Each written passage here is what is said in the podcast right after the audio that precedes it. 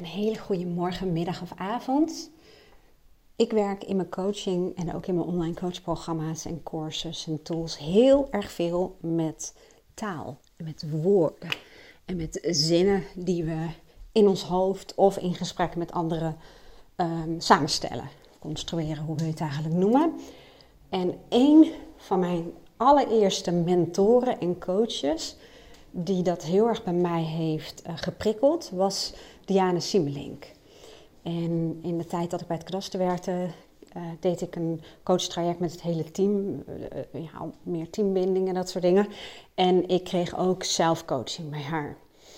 En ik kan me nog een sessie herinneren dat zij zei: um, Ik hoor jou iets zeggen. Want zij schreef ook vaak letterlijk de dingen op, wat ik echt van haar heb overgenomen. Want ik doe dat in mijn coaching ook.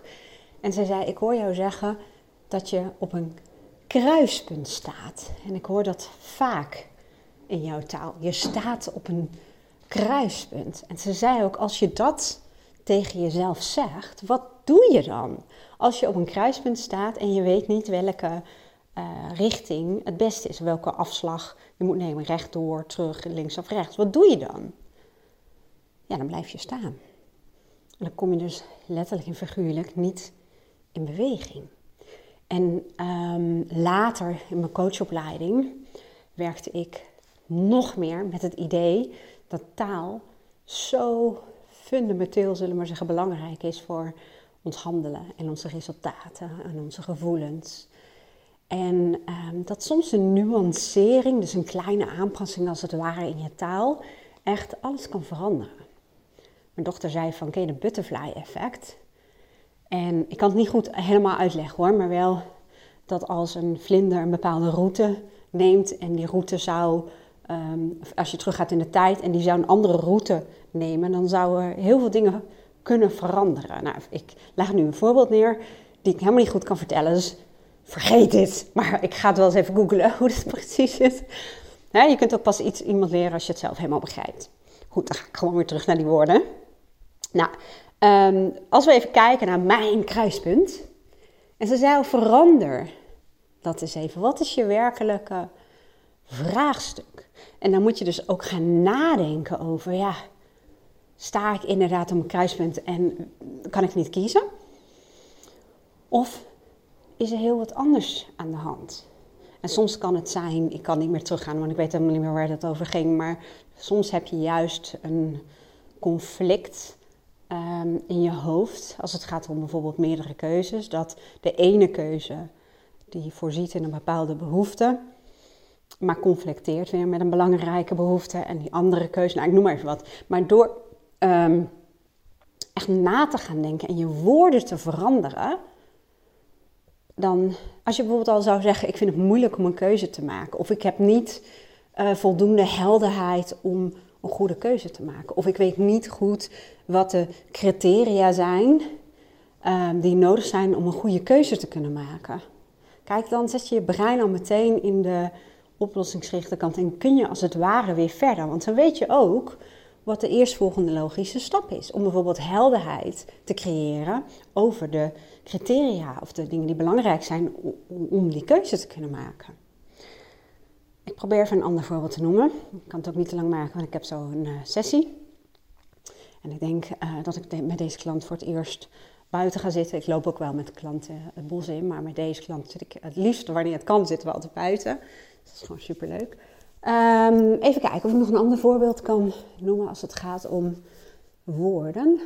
Um, ja, ik ken er wel één. Um, ik heb bijvoorbeeld vannacht weinig geslapen. Ik heb gistermiddag uh, iets uh, gehad met uh, cafeïne of een bepaalde groene thee. En ehm, vroeger kon ik s'avonds koffie drinken en dan sliep ik als het ware prima. ze hebben hersenonderzoek gedaan en blijkt toch echt wel dat het je slaap verstoort, of je dat nu bewust voelt of niet.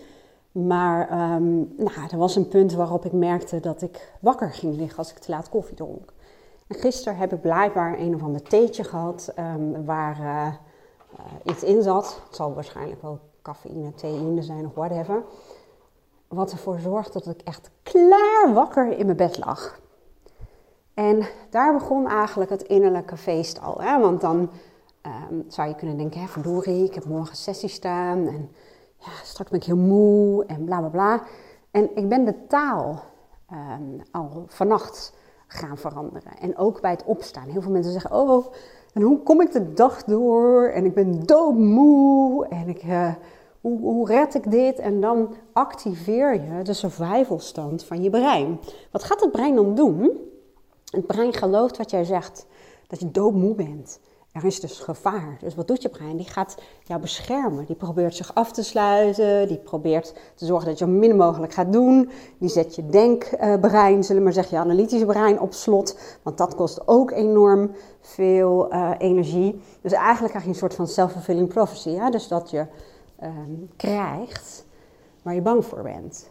En um, het zal uh, je misschien willen weerhouden om de auto in te stappen. Het gaat allemaal dingen doen op basis van de woorden die jij hebt gekozen. Vroeger had ik dat ook hoor. Um, ik heb vroeger echt uh, heel veel slaapproblemen gehad, nu niet meer, godzijdank. Maar vanmorgen, ja, realiseerde ik me wel, ik heb maar heel even geslapen.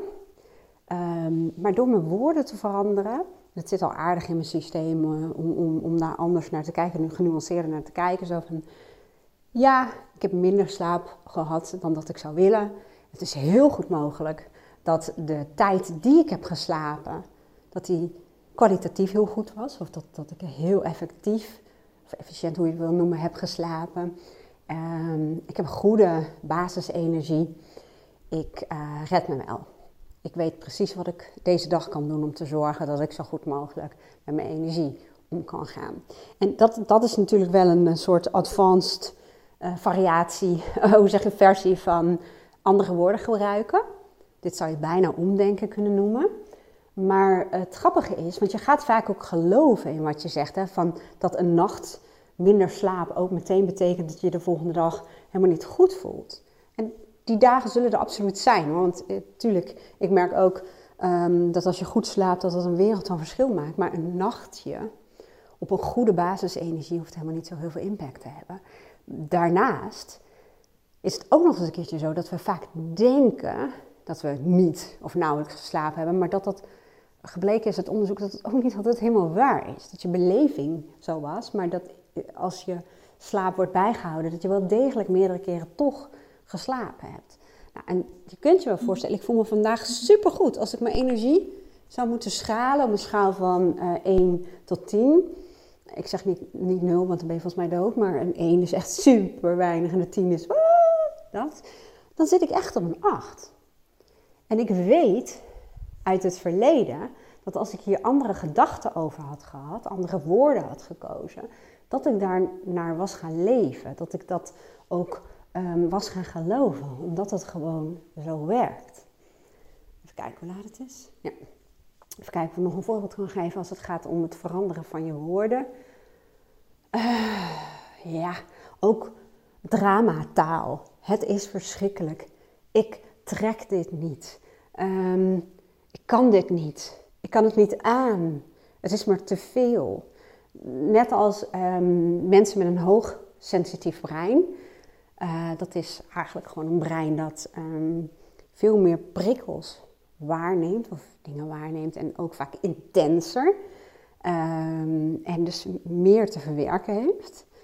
Als jij een hoogsensitief brein hebt, dat is wel heel kort uitleggen, want het gaat nog veel dieper dan dit. Maar dan kan het zijn dat, uh, stel dat je een bepaalde werkdag hebt met veel afspraken en s'avonds ook nog afspraak, um, dat je buffer vol loopt. En dat je dan zegt, ehm, ik trek dit niet, ik kan het niet, ik, uh, dit is te veel voor mij. Maar door die taal te gebruiken, dan zet je jezelf eigenlijk neer als zijnde, ik ben een persoon die dit niet aan kan. dat kan je ook gaan voelen. En uh, dat is vaak ook de, de, de misvatting als het gaat om hoogsensitieve uh, mensen, of hooggevoelige mensen. Heel veel mensen denken, oh dat zijn die hyper overgevoelige mensen. Nee, nee, ze zijn vaak meer verwerkingstijd nodig en even wat resetmomenten, dan gaat het prima. En er komt gewoon vaak meer binnen.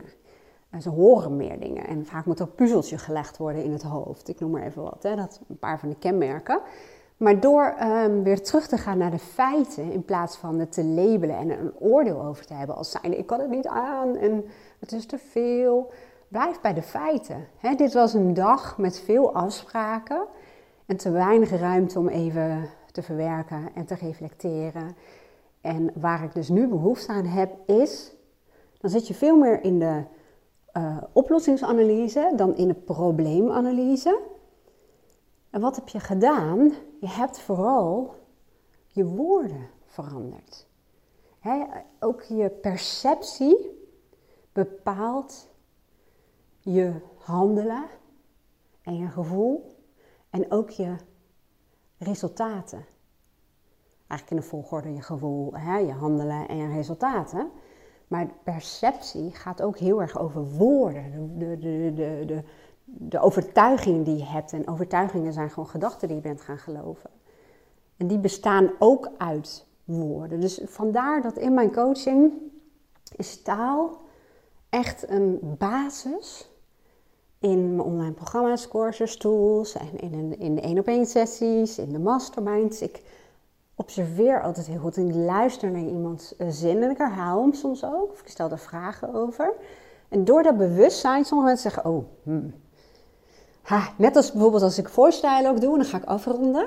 En ik uh, spreek iemands innerlijke pleaser. Die gebruikt vaak heel absolute taal. Als, ehm, ik moet iedereen tevreden houden. Niemand mag boos op mij zijn. Iedereen moet mij aardig vinden. Dat zijn hele absolute woorden. En door dat um, te gebruiken, nou, je zet nogal een missie neer. Net als iemand die zei: Ik kan pas een beslissing nemen als het 100% zeker is. Maar in heel veel gevallen is een bepaalde beslissing of een uitkomst niet 100% te garanderen. Hè? Die, die, die, die uh, scenario's zijn er absoluut wel, maar um, in heel veel gevallen kun je niet zeggen dat iets 100% zeker gaat slagen. Maar als je die woorden gebruikt, ja, dan gaat je brein in een kramp zitten, als het ware. Dat is trouwens ook een raar woord, maar dan um, ga je ook merken dat je die beslissing niet kunt nemen of dat je die voor je uit gaat uh, schuiven. En door feitelijker te zijn en voor jezelf andere taal te gebruiken en voor jezelf na te gaan. Maar wat heb ik dan nodig om die beslissing te kunnen nemen? Waar moet het aan voldoen? Welke criteria of behoeften of dingen zijn belangrijk um, om dat in kaart te brengen? En dat als een soort van checklist te gebruiken, dan merk je dat je die beslissing wel kunt nemen, ook al heb je niet die 100% garantie. Nou, daarom is taal zo ongelooflijk belangrijk. En ehm, een oefening in de praktijk, als je deze podcast luistert, zou ook kunnen zijn als je alleen al gaat opletten um, op je eigen gedachten en de taal in communicatie met andere mensen, op de absoluutheden die je gebruikt. Zoals niet, nooit, iedereen, altijd, zeker, absoluut.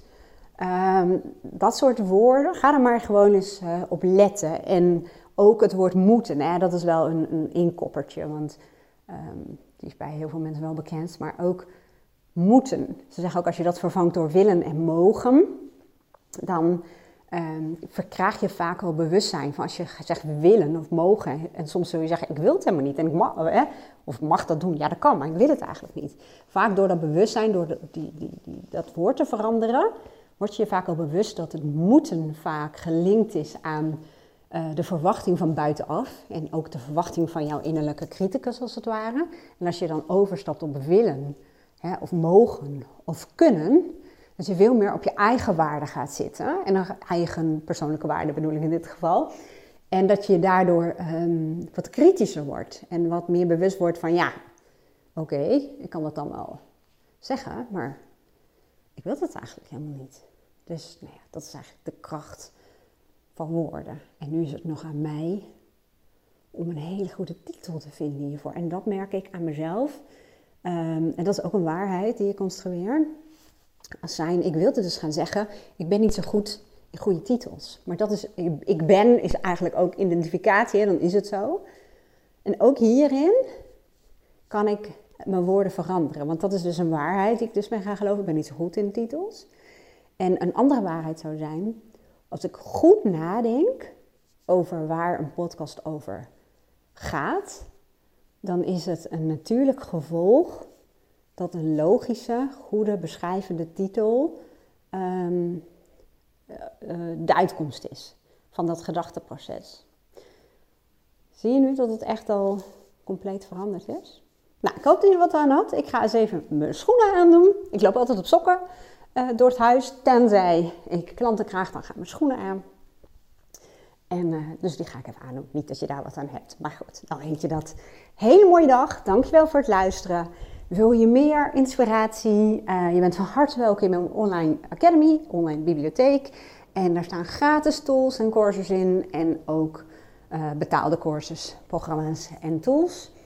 En um, heb je wat aan deze podcast? Nou, let me know. Deel het met de mensen in je netwerk. En je kunt mij dan heel erg blij maken met een review waarin je vertelt wat je eraan had. Nogmaals, hele mooie dag en tot de volgende keer.